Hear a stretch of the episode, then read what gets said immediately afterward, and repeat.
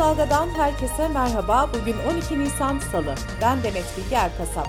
Gündemin öne çıkan gelişmelerinden derleyerek hazırladığımız Kısa Dalga Bülten başlıyor.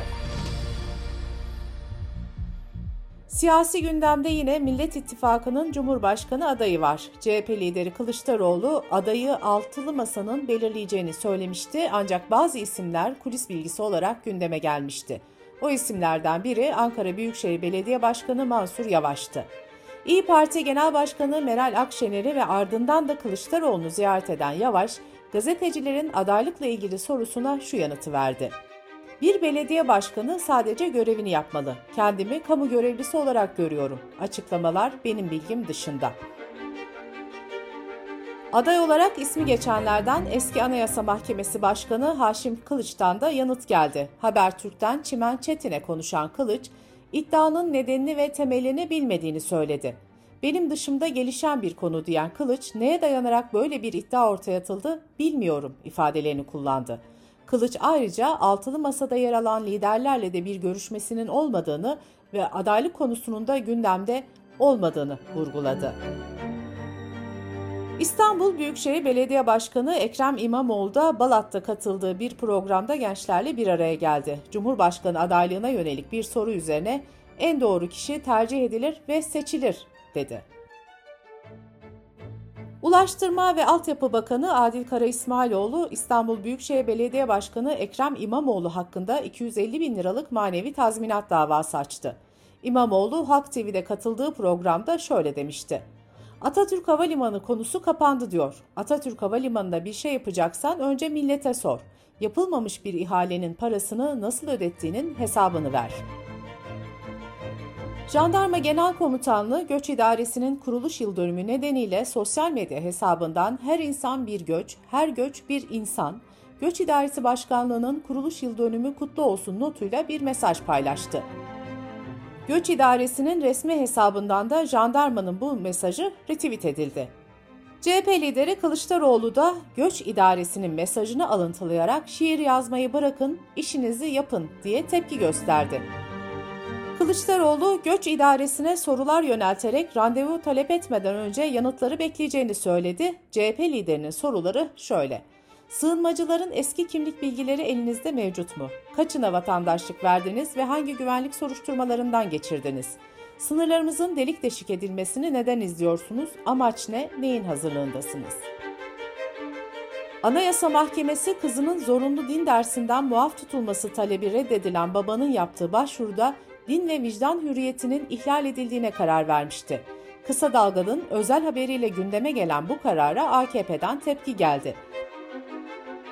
Kocaeli Milletvekili Mehmet Akif Yılmaz Twitter hesabından yaptığı paylaşımlarda AYM'ye yazıklar olsun dedi. Yılmaz şu ifadeleri kullandı. İslam'ın öğretilmesini insan hakkı ihlali olarak yaftalamak yakın tarihimizin en büyük ihanetlerinden biri olmuştur. Radyo Televizyon Üst Kurulu'nun 2021 yılı faaliyet raporu açıklandı. Rapora göre kurul geçen yıl basın yayın kuruluşları hakkında 55 milyon 822 bin lira tutarında 1661 ayrı ceza kararı aldı.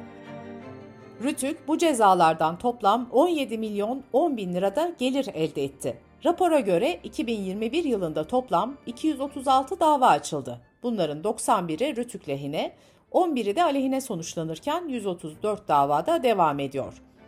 Raporda Rütük'ün çeşitli medya hizmet sağlayıcı kuruluşlar ile gerçek kişiler ve sosyal medya hesapları hakkında da 129 ayrı suç duyurusunda bulunduğu belirtildi. Küresel iklim değişikliğinin etkileri nedeniyle sel ve heyelanların yaşandığı Karadeniz bölgesinde deniz suyu sıcaklığının da arttığı tespit edildi. Recep Tayyip Erdoğan Üniversitesi Su Ürünleri Fakültesinden doçent doktor Ertuğrul Ağırbaş şunları söyledi. En son yaptığımız ölçümlerde Karadeniz için Mart ayı ortalaması 8.1 santigrat dereceyken bizim okuduğumuz verilerde deniz suyu sıcaklığının 9.5-10 santigrat derecelere kadar çıktığını tespit ettik. Denizde oksijensiz alanlar artıyor. Avlanan balık türü sayısı artık bir elin parmaklarını geçmeyecek derecede azalmış durumda. 35 yıllık meslek hayatına sayısız ödül sığdıran, Türkiye'de çok ses getiren haberlerin altında imzası bulunan gazeteci Nurettin Kurt yaşamını yitirdi. Nurettin Kurt, akciğerlerindeki bir rahatsızlık nedeniyle tedavi görüyordu. Sırada ekonomi haberleri var. Türkiye İstatistik Kurumu Şubat ayına ilişkin iş gücü istatistiklerini açıkladı. Buna göre işsizlik Şubat'ta %10.7 olurken işsiz sayısı da bir önceki Şubat'a göre 178 bin kişi azalarak 3 milyon 579 bin kişi oldu. İşsizlik oranı erkeklerde %9.3, kadınlarda %13.4 olarak tahmin edildi.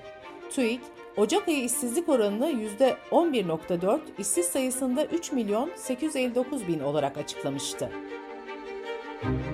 CHP Genel Başkan Yardımcısı Ahmet Akın'ın bilgi edinme yasası kapsamında yaptığı başvurulara Enerji ve Tabi Kaynaklar Bakanlığı'nın verdiği yanıtlar, enerjide katlanan zamların hanelere yansımasını da ortaya çıkardı. CHP'li Akan'ın resmi verilere dayanarak hazırladığı rapora göre 2021 yılında yaşanan doğalgaz ve elektrik kesintileriyle ilgili şu sonuçlar ortaya çıktı.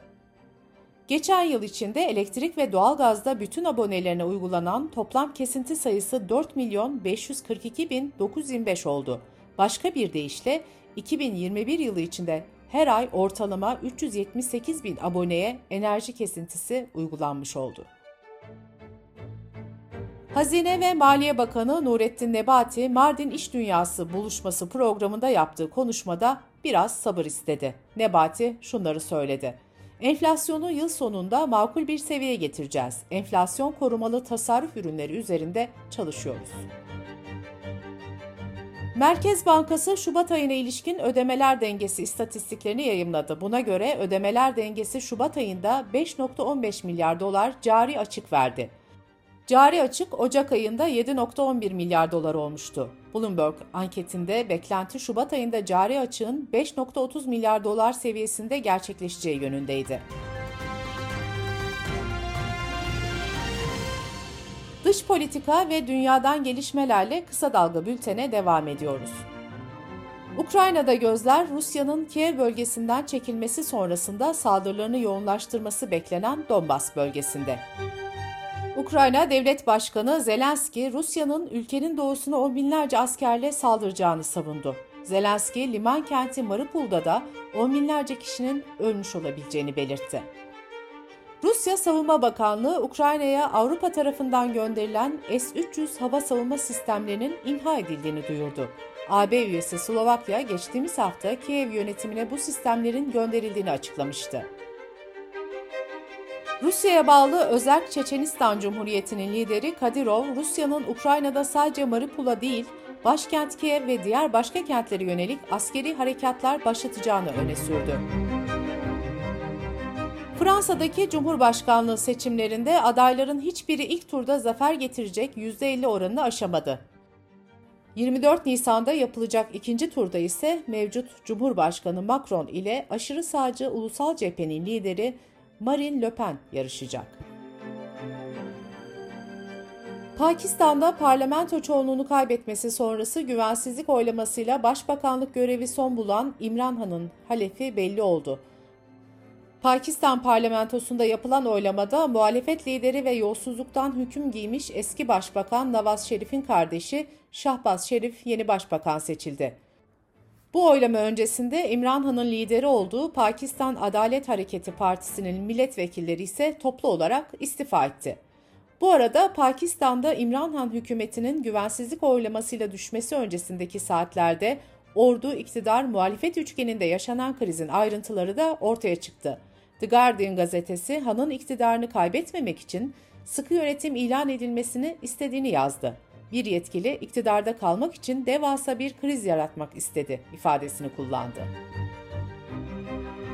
Twitter hisselerinin %9.2'sini satın alan Elon Musk'ın hafta sonu sosyal medya platformunda bir dizi çılgın değişiklik önermesinin ardından yönetim kuruluna girmekten vazgeçtiği açıklandı. Duyurunun ardından tek bir tweet atan Musk bu paylaşımını da sildi. Bültenimizi kısa dalgadan bir öneriyle bitiriyoruz. Mehveş Evin denizlerimizi nasıl mahvettik ve nasıl kurtarabiliriz sorularına yanıt aradı. Çevre konusundaki korkunç umursamazlık ve rantı, ayrıca bürokrat, siyasetçi, şirketler üçgeninde dönen inanılmaz numaraları bu podcast serisinde bulacaksınız. Mehveş Evi'nin podcast'ini kısa dalga.net adresimizden ve podcast platformlarından dinleyebilirsiniz. Gözünüz kulağınız bizde olsun. Kısa Dalga Medya.